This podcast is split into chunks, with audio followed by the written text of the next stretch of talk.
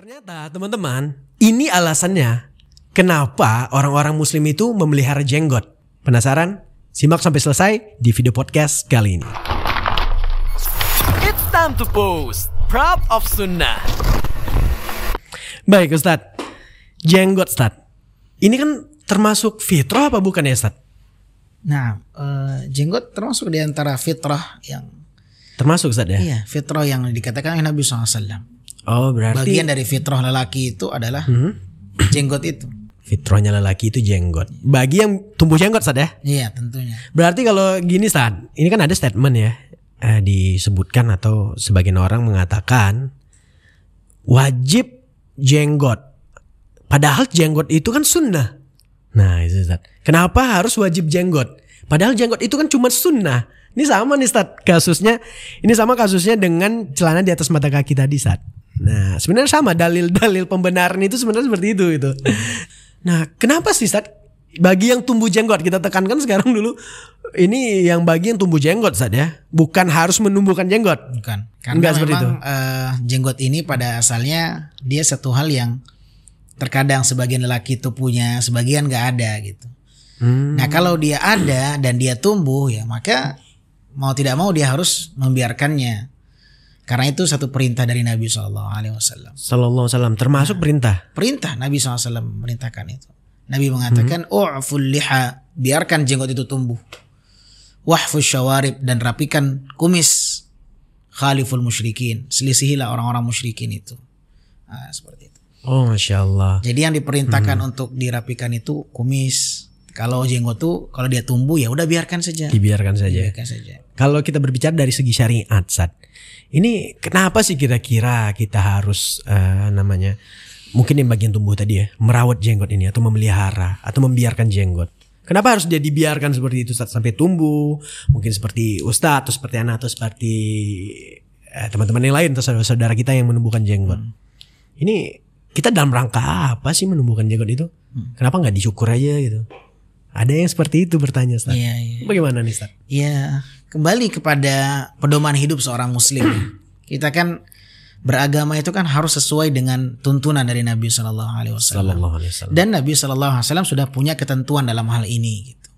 Nabi Shallallahu Alaihi Wasallam memerintahkan dalam sebuah hadis yang sangat banyak sekali. Dalam banyak riwayat Nabi Shallallahu Alaihi Wasallam mengatakan, "U'ful liha, wahfus syawarib." Dalam beberapa redaksi dikatakan urkhul liha, biarkan jenggot itu tumbuh, biarkan jenggot itu berkembang, ya. Jangan diotak-atik, jangan dipotong, jangan dipangkas, ya. War, eh, kemudian hendaklah engkau merapikan kumis. Ya, dan Oh. Nabi Shallallahu Alaihi Wasallam menyebutkan bahwa eh, membiarkan jenggot itu termasuk di antara sunnah-sunnah fitrah yang ke-10. Sunnah-sunnah fitrah yang 10 ya. Banyak sunnah-sunnah fitrah itu. Sunnah sunnah fitrah ini eh, Afwan Sat, maksudnya seperti apa Sat? Eh, sunnah-sunnah fitrah itu adalah eh, kebiasaan-kebiasaan yang memang Nabi lakukan sallallahu alaihi wasallam. Oh, Nah, yang itu menunjukkan bahwa itu fitrah dalam Islam. Oh, dan fitrah juga sebagai seorang laki gitu Sat? ya? Nah, iya. Masya Allah. Di antaranya ya eh, di antara bentuk fitrah itu yang disebut oleh Nabi SAW ada 10 di antaranya adalah eh, memotong kuku kalau sudah panjang, tidak membiarkannya lebih dari 40 hari, seperti bulu ketiak juga harus dicabut ya kan. Eh, atau di, di dipotong, ya. kemudian juga kumis harus dirapikan gitu kan. Nah, kalau jenggot itu Nabi SAW perintahkan untuk dibiarkan di antara sunnah-sunnah fitrahnya itu. Oke. Kemudian eh, memotong bulu kemaluan, Hmm. semuanya itu ada 10 fitrah yang disebut oleh Nabi Shallallahu Alaihi Wasallam. Masya Allah. Jadi jelas nih berarti termasuk eh, hal-hal yang harus diperhatikan. Nah, Oh baik. Dan itu hadisnya banyak Sat ya? Untuk merawat jenggot ini Sat, Oh, membiarkan iya. jenggot. Mm-mm. Banyak sangat ya? banyak sekali riwayat dan hadisnya. Masya Allah, subhanallah. Jadi kalau udah ada riwayat yang jelas dari Al-Quran, Sunnah gitu kan untuk merawat jenggot, kenapa masih ada yang memotong jenggot ya Iya, Sat? iya. Ini Dan dan dan semua riwayatnya itu Hmm. dalam bentuk perintah datangnya. Oh riwayat ini tadi berbentuk perintah Iya. untuk kita laksanakan itu. Ya, biarkanlah jenggot, ya. Oh, rawatlah jenggot. Kata biarlah, rawatlah. Ini Semua datang dalam bentuk perintah. oh iya iya iya. iya. Dan memang eh, perintah ini hukumnya wajib secara hukum asalnya gitu. Dan tidak ditemukan ada satupun riwayat Hmm. bahwa Nabi SAW pernah memotong jenggotnya. Oh iya Pernah ada subhanallah. satupun riwayat. Nabi aja berjenggot Ustaz ya. Ya, jenggot Nabi SAW sangat tebal sekali. Sangat Masya tebal. Allah, Bahkan terlihat dari belakang tuh jenggot Nabi SAW. Dan itu disebutkan oleh para sahabat ketika mereka sedang sholat sir. Sholat yang lirih, bacaannya nggak jahar. Iya. Kata para sahabat, kami tahu Nabi membaca, menggerakkan lisan dalam sholatnya sir dari getaran jenggot Nabi Shallallahu Alaihi Wasallam. Oh masya Allah. Iya, Karena kan jenggot Nabi kan lebat ya, terlihat dari belakang. Itu karena saking lebatnya Ustaz ya. Lebatnya ya kan Makanya bisa kelihatan ya. kelihatan dan itu juga menyimpulkan kepada kita batasan-batasan jenggot. Gitu. Nah, batasan jenggot menarik ini Ustaz, batasan jenggot. Nah, bagi yang udah bisa tumbuh jenggot ini Ustaz ya. Terkadang mungkin ada yang merasa risih gitu Ustaz. Yuk, terasa terasa apa namanya Udah mungkin ke mana-mana nih. Heeh, udah ke mana nih? Udah dirapiin. Bahasanya dirapiin nih Ustaz. Tapi malah jenggotnya dipotong. Itu boleh nggak sih Ustaz? Eh, Nabi Shallallahu Alaihi Wasallam sangat jelas ya perintahnya biarkan jenggot itu tumbuh, biarkan. Artinya jangan diotak atik, jangan dimodifikasi, jangan dicukur gitu kan. Eh, lah terus nanti kalau seandainya dia sudah terlampau panjang, masa nggak boleh dirapikan gitu? Nah, bener Ustaz. Ya. Nah, sebagian mereka mengatakan boleh kalau sudah satu koddoh nih. Kalau sudah satu sudah melebihi panjangnya satu genggam nih, nah itu boleh dipotong tuh. Oh, kalau sudah melewati satu Kalau sudah genggam. melewati satu genggam, ya menurut sebagian mereka boleh mengatakan Oh, boleh kalau udah satu genggam dipotong di bawah ya di bawah Bukan di atas ya. di atasnya. Iya. Sehingga ada nih Ustaz. Ini memang benar-benar terjadi nih Ustaz. Anda mengalami pribadi. Iya. Ada orang yang ketika dia mengukur nih karena hadis ini tadi Ustaz. Mungkin Ustaz bisa jelaskan nanti Athar dia hadisnya. bukan hadis athar. Asar Ustaz ya. Athar itu dari beberapa sahabat. Oh, asar dari sahabat Ustaz Kalau ya. dari Nabi nggak pernah ada satupun riwayat Nabi perintahkan Nabi memotong, Nabi memendekkan, nggak ada satupun riwayat hadis. Perbuatan Hmm. sahabat aja dan itu Oh. dinisbatkan kepada sahabat Ibnu Umar. Sahabat Ibnu Umar. Sahabat Ibnu Umar ya. Oh, jadi gini Ustaz. Menariknya dan mirisnya ketika mengukur kan dengan satu genggaman ini tadi layak dipotong yang dipotong bukan di bawah ya Ustaz, tapi di atasnya. Iya. Itu dia. Itu anehnya gitu Iya. kan. Jadi diukur segenggam, ya udah boleh potong. Set Iya. potong. Potongnya di atas. di atasnya ya. Jadi disebutkan dalam athar Ibnu Umar itu bahwa beliau apabila telah menyelesaikan ibadah hajinya atau umrohnya Hmm. ketika tahallul rangkaian manasik yang terakhir kan adalah memotong rambut tuh. Oh, yang menggundulkan Gundul kepala, kepala ya? ya kan. Nah, itu dis- sekalian tuh beliau merapikan jenggotnya, mengambil satu genggam kemudian yang lebih dari segenggam itu dipotong. Sama-sama. Itu riwayatnya Ibnu Umar. Nah, riwayat Hmm. ini atau athar ini yang dijadikan sebagai dalil bagi mereka boleh merapikan jenggot atau boleh memotong sebagian dari jenggotnya. Oh. Namun hadis ini pun masih dipertentangkan oleh para ulama. Oh, berarti status hadisnya juga masih ada pertentangan Iya, Ustaz ya? nah, bahkan sebagian mengatakan ini riwayatnya tidak sahih. Kenapa? Karena Nabi sendiri tidak ditemukan sekalipun memotong jenggotnya gitu. Oh iya kalau kita memang benar-benar Kalau kita mau ah, mau iya. mengikuti yang terbaik kan tentu Iya, Rasul betul. Shallallahu Alaihi Wasallam. ya. Sallallahu. Dan Nabi tidak pernah ditemukan sekalipun memotong jenggotnya, Hmm. jenggotnya. gitu. Dan ketika itu sahabat Ibnu Umar dalam konteks haji, Haji, Ustaz ya. iya, hanya- Dan ketika ikan apa akan melakukan tahalul. Halus saja. Kalau kita kan nggak tiap saat potong, tiap saat potong gitu. Oh. Bukan berarti Ibnu Umar ketika jenggotnya udah panjang lantas dia motongnya enggak Ustaz ya. Iya. Atsar itu ditemukan ketika dia melakukan manasik Ketika haji. mana- manasik haji selesai, umroh Hmm, selesai. ya. Kalau kita kan sebagian kita kan ya kapan aja dipotong, Iya, dipotong, Ustaz, potong. iya. Dan beliau kalau seandainya katakan athar Ibnu Umar ini benar, riwayatnya sahih, Nah, ya kan? Maka cara mengamalkannya ya seperti Ibnu Umar gitu. Yang lebih Mhm. dipotong. Ini kan enggak yang dipotong di sini. dipotong di sininya gitu. Iya, kan. Ustaz, Masya Allah. Nah, Berarti kan itu jenggotnya tetap panjang gitu Tetap Ustaz. panjang, tetap Tetap panjang Ustaz ya. Bahkan Nabi SAW ya seperti yang disebutkan tadi lebat sekali kan sampai dari Ya, belakang pun terlihat. Dan ini menunjukkan bahwasannya memang batasan jenggot itu bukan hanya di bawah dagu saja, Mhm. Ha, bukan hanya di bawah dagu, Oh iya. tapi yang di samping pun yang numbuh itu juga masuk kategori jenggot. yang tumbuh dari samping masuk kategori jenggot saat. Nah. Nah, menarik. Bagaimana saat ini mungkin anda pribadi juga sebagai ilmu yang semoga bisa anda terapkan nih saat Amin. memotong dari pelipis saat.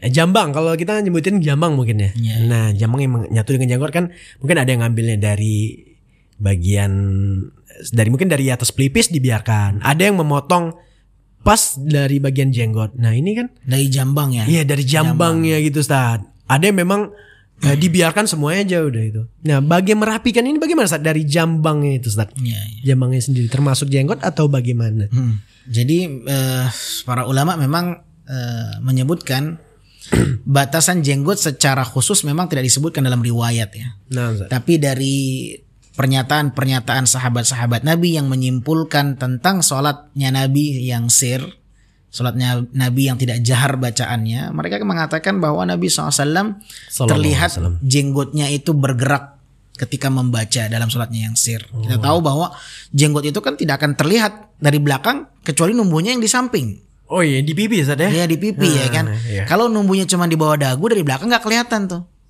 Oh iya. Ah, dan para sahabat kan sebagai makmum sholat tuh, ya kan? Ah, mereka melihat dari belakang jenggot Nabi bergerak, bergerak, bergetar, bergetar. Ketika Nabi membaca, rahang ikut bergerak, maka jenggot pun ikut, bergerak juga. Masya Berarti dari situ para ulama mengatakan berarti ketika sahabat mengatakan kami melihat bittira bilihyatihi kami mengetahui Nabi membaca dalam sholat yang sir dengan getaran jenggotnya dan jenggot yang dikatakan oleh sahabat itu yang bagian samping ini berarti ini masuk kategori jenggot juga batasannya bukan hanya di bawah dagu saja gitu. Oh. Nah. Jenggot di dagu dan juga jenggot di pipi Iya, termasuk sama termasuk ya. masuk jenggot juga itu seperti itu. Dan nggak boleh dipotong. Nggak boleh Nggak dipotong. boleh dipotong, masya Allah.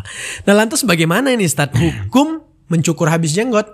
Tentu se- setiap bentuk penyelisihan Hmm. itu masuk dalam bentuk bermaksiat kepada Allah dan Rasul. Oh subhanallah. Ya, dan sebaliknya ketika Nabi perintahkan artinya itu adalah bahagian dari syariat, maka ketika kita membiarkan jenggot itu, maka itu adalah satu ladang pahala bagi kita. Kita membiarkan jenggot sebagai bentuk perintah Nabi Shallallahu Alaihi Wasallam kepada kita, maka setiap kali jenggot ini kita pelihara, setiap itu pula pahala mengalir ke kita. Kita tidur jenggot ada di kita, pahala tuh. Oh Iya, iya. kita sedang Masya sholat ya kita, ini kita biarkan sebagai bentuk ittiba di amri Nabi SAW mengikuti perintah Nabi SAW me- mengikuti arahan Nabi SAW maka selama ini kita pelihara dan kita niatkan sebagai bentuk menjalankan perintah Nabi SAW maka selama ini bertengger di dagu kita selama itu pula pahala akan kita dapatkan tentunya Masya Allah. karena perintah itu apabila dikerjakan dapat pahala ditinggalkan berdosa. dosa Berdosa. Ustaz. berdosa ya. Itu perintah wajib ya, wajib. Dan merawat jenggot ini ya termasuk sunnahnya para nabi bukan sunnahnya Nabi Muhammad SAW saja. Sallallahu alaihi wasallam seluruh para nabi. Seluruh para nabi mereka punya jenggot. Para nabi berjenggot. Iya. Kenapa sih kita para muslim mengetahui nabi-nabi kita termasuk rasul kita yang tercinta sallallahu alaihi wasallam Sallallahu alaihi wasallam. Mempunyai jenggot, berjenggot dan memerintah kita untuk menjaga jenggot, kenapa kita masih Merasa risih. merasa risih? risih, merasa nggak pede. Iya, padahal kan jenggot nggak bikin jelek, jenggot nggak bikin seseorang menjadi ya stigma-stigmanya biasa, Stad. Yang berjenggot itu dicemooh seperti eh, hal-hal jelek lain lah lah gitu. Atau mungkin menjadi ciri khas apa ya teroris. Nah, ini yang paling parah sih, Stad. Mungkin tapi kalau menurut Anda pribadi mungkin di sekarang ya. Kalau sekarang mungkin teman-teman udah pada Udah pada paham ya. pinter lah pada paham lah, Stad. Udah pada nggak percaya, Stad. sebatas eh, isu-isu aja ya. Isu-isu aja, Stad. Karena ada satu pengalaman di situ tuh. Oh iya, bagaimana, Stad? Jadi Ana pernah ngisi satu kajian gitu kan. Ketika saya mengisi satu majelis taklim itu, tiba-tiba ada pertanyaan nih dari salah seorang jemaah nih. Oh, sesi tanya jawab Sesi gitu, tanya ya? jawab ya, pasti tanya Sesi jawab. tanya ya. jawab. Mhm. Eh, dan di situ yang hadir, masya Allah banyak yang hadir polisi-polisi itu banyak yang hadir di situ. Oh, Masya Allah, hatta polisi pun ikut Iya, pengajian, Stad. ah, banyak yang hadir di situ kan. Ditanya nih, kita nggak tahu nih kan dengan pertanyaan itu tujuannya apa. Iya. Jadi dia bilang, Ustadz, eh, bagaimana tanggapan Ustadz eh, terkait dengan seorang yang memelihara jenggotnya? Apakah itu merupakan ciri khas eh, mereka para teroris yang sering di diisukan seperti itu? Diisukan, iya. Nah, yang paling uniknya itu ketika saya belum menjawab, itu polisi di situ pada jawab semua gitu. Oh, Masya Allah. Yang jawab tuh polisi. Kata polisi-polisi itu itu stigma yang nggak benar gitu. Masya Allah. Iya. Polisi ngomongnya seperti itu, iya, itu nggak benar tuh yang seperti itu gitu. Jadi bukan saya yang jawab ketika itu. Allah Akbar. Belum sempat Ustaz jelasin itu. Ya? saya baru baru bacakan pertanyaannya di Nah, kertas Ustaz, kan. nah, Apakah benar bahwasanya eh, ciri-ciri teroris itu adalah jenggot ya oh, dia memelihara jenggot Hmm, gitu kan. Eh, maka sebelum baru selesai selesai baca soal itu langsung dijawab oleh polisi-polisi yang hadir itu nggak benar tuh stigma yang nggak benar gitu. Nah, nah. Nah, ini menunjukkan bahwa itu hanya sebatas isu yang diapakan saja. isu yang dibuat-buat dan ini ternyata dipatahkan langsung oleh pihak yang lebih mengetahui Ustaz ya. Iya. Pihak berwenang. Polisi kan mereka yang eh, mengurusi masalah teroris dan sebagainya. Iya. Lalu mereka katakan tidak, stigma yang keliru. Masya Allah. Adapun kalau sekiranya memang Eh. pas ada teroris yang memang eh, jenggotnya dia punya jenggot ya kan itu tidak bisa di, dikait-kaitkan dengan jenggot itu hanya oknum Iya, saja gitu hanya ya itulah dia mungkin ada sebagian yang memang tidak suka dengan dengan Hmm, benar-benar. dengan, dengan sunnah-sunnah Bisa jadi datang dari kalangan atau orang-orang yang Orang-orang memang munafik. Ah, membenci, Ustaz ya, membenci, membenci ya. dakwah ini. Sehingga harus nih dibungkus dengan hal-hal yang seperti itu Ustaz ya. Iya. Dan pada akhirnya sekarang masyarakat udah tahu, Ustaz, udah paham alhamdulillah. Segelintir orang lah yang masih mungkin ya berpikiran seperti itu, tapi insya Allah udah pada ngerti lah gitu. Ini masya Allah. Intinya kan udah jelas Ustaz ya. Rasul kita berjenggot, para nabi semua berjenggot, memerintahkan kita untuk berjenggot lah. Lantas alasan apa lagi yang harus kita katakan untuk menolak syariat tersebut? dan yang paling sangat disayangkannya banyak orang-orang yang mengaku cinta dengan Nabi Shallallahu Alaihi Wasallam tapi mereka merasa berat untuk menerapkan Jenggotnya. apa yang Nabi perintahkan untuk membiarkan jenggot itu. Oh, iya. Padahal membuktikan kecintaan itu harus dengan mengikuti Nabi Shallallahu Alaihi Wasallam. Nah, Baik baik, masya Allah. Ustaz, eh, mungkin satu hal yang menarik di sini juga Ustaz yang jadi concern kita. Ada mungkin teman-teman yang punya usaha ataupun profesi. Ini profesinya memang tugasnya untuk ngilangin ini jenggot nih Ustaz. ya, potong rambut, Iya. salon gitu ya. Eh, potong rambut, salon barbershop mungkin sekarang yang lagi iya, terkenal gitu ya. Ini udah di barbershop. Mungkin kendala ada teman yang kerja di barbershop nih Ustaz. Mungkin Iya. dia udah ngaji. Mungkin dia udah ngaji gitu. Ini kan halal Ustaz ya, insya Allah ya. Boleh, boleh. halal Potong rambut boleh. Potong rambut boleh. Tapi ini Pelanggannya minta. pelanggannya brewokan nih jenggotan nih. Iya, iya, Minta dicukur habis Ustaz. Masya Allah. Atau mau dipotong setengah mungkin. Nah ini bagaimana nih Ustaz harta yang dihasilkan Ana- nih? Iya iya, anak terken ah, ana jadi teringat dengan kisah Ibnu Sirin, salah seorang ulama tabi'in. Nah. Beliau pernah ditanya oleh salah seorang ya, wahai Imam, kanat ummi tumasyitun nisa. Wahai Imam, sesungguhnya ibuku profesinya itu tukang sisir, tukang merapikan rambut, ya kan? Hmm, Eh, ya salon lah, salon bahasa kitanya gitu kan. Kemudian aku menikmati hasil dari ibuku. Maka kemudian Al-Imam Ibnu Sirin balik tanya, apa yang dilakukan oleh ibumu ketika memotong rambut, ketika nyisir rambut, profesi yang seperti itu? Apakah eh, ibumu apa namanya eh, menyambung rambut? Kan ada tuh salon-salon tuh kan disambung rambutnya, Oh, Sa- iya, yang sanggul ya, nggak tahu apa namanya itu. Perempuan nih Ustaz ya? perempuan-perempuan tuh. Wasilah nama nama apanya istilah Arabnya itu.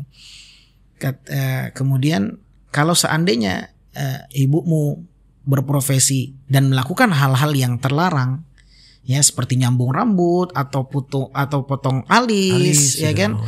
Nah, itu semuanya adalah satu hal yang dilarang dalam agama dan kalau sekiranya itu juga dilakukan seperti jenggot ya kan Ustaz. potong jenggotnya maka hasilnya itu tidak halal Oh bisa jatuh kepada haram Ustaz ya. Nah. harta yang dia hasilkan ini tadi. dihasilkan itu haram jadi tidak halal gitu, tidak berkah kenapa karena dia Hmm. melakukan satu eh, pendapatan hasil yang diharamkan Walaupun sebenarnya hakikat pekerjaannya itu halal. Hakikat- Tapi ketika ketika ia di pekerjaan itu melakukan satu pelanggaran, satu pelanggaran Nah, maka yang dipelanggar yang hasilnya di situ hmm, di situ itu hmm, jadi tidak berkah, Tidak berkah. haram jadinya bisa ke haram Ustaz ya. Iya. Wah ini harus eh, bener-bener nih mungkin Iya. teman-teman yang bekerja di potong rambut mungkin jadi ini Ustaz ya. Jadi catatan lah untuk Saya pernah Hmm. di, pernah didatangi juga oleh salah seorang ikhwan kita ya kan dia sempat mengeluhkan itu gitu. Oh ada Ustaz. Iya. Udah udah pernah cerita nih sama Udah- Ustaz gitu ya. Iya, ketika saya ngisi kajian di di Pekanbaru ini, Iya menarik. Iya, gimana, didatangi Ustaz? oleh salah seorang yang dia ahli ya potong rambut gitu Barbershop kan. mungkin Ustaz Ya ya. mungkin anak nggak tahu. Yang jelas dia bilang Ustaz gimana cara mensikapi apabila ada pelanggan kami yang minta potong jenggot. Sedangkan kita tahu potong jenggot itu dalam Islam tidak diben- tidak dibenarkan, tidak diperbolehkan gitu kan. Dan ini merupakan sa- satu hal yang saya apresiasi karena memang dia sangat peduli dengan hasil yang halal dan yang haram. Jangan sampai hasilnya itu hasil yang diharamkan gitu kan. Maka eh, saya berikan satu solusi sama dia gitu kan. Bagaimana Ustaz? Nah, jadi tempel aja di pintu itu tidak melayani potong jenggot saya. bilang. Oh langsung dari depan ya? Iya. Dibikin Karena pengumuman kalau gitu ya? kalau nggak dibikin dari itu orang masuk ya kan dia bilang saya sudah coba Ustadz kata dia. Saya sudah coba eh Hmm. Nolak tidak gitu. tidak nah, menolak permintaan pelanggan ketika minta potong jenggot. Tapi ya akhirnya marah-marah dia. Oh. Akhirnya nggak mau bayar, udah dipotong rambutnya, nggak dibayar akhirnya karena ketika dia minta ketika dia minta potong jenggot, saya nggak melayani, akhirnya nggak dibayar tuh katanya. Ya Allah. udah kalau gitu dari awal, dari awal sampaikan ke mereka, tempel di depan pintu itu tidak melayani potong jenggot. Bahwa jasa dia ini memang nggak melayani potong jenggot saja. Ya, kalau potong kumis, potong rambut, ah oke lah silahkan. Alhamdulillah inilah manfaat atau faedah kita belajar sunnah ini. Ustaz. Berarti orang-orang yang memanjangkan jenggot atau orang-orang yang memelihara jenggot karena cinta dengan Nabi Ustaz ya. Lantas kalau orang-orang yang memangkas habis jenggotnya berarti Dipertanyakan kecintanya kepada Nabi Shallallahu Alaihi Wasallam. Masalah sallallahu alaihi wasallam. It's time to post Proud of Sunnah.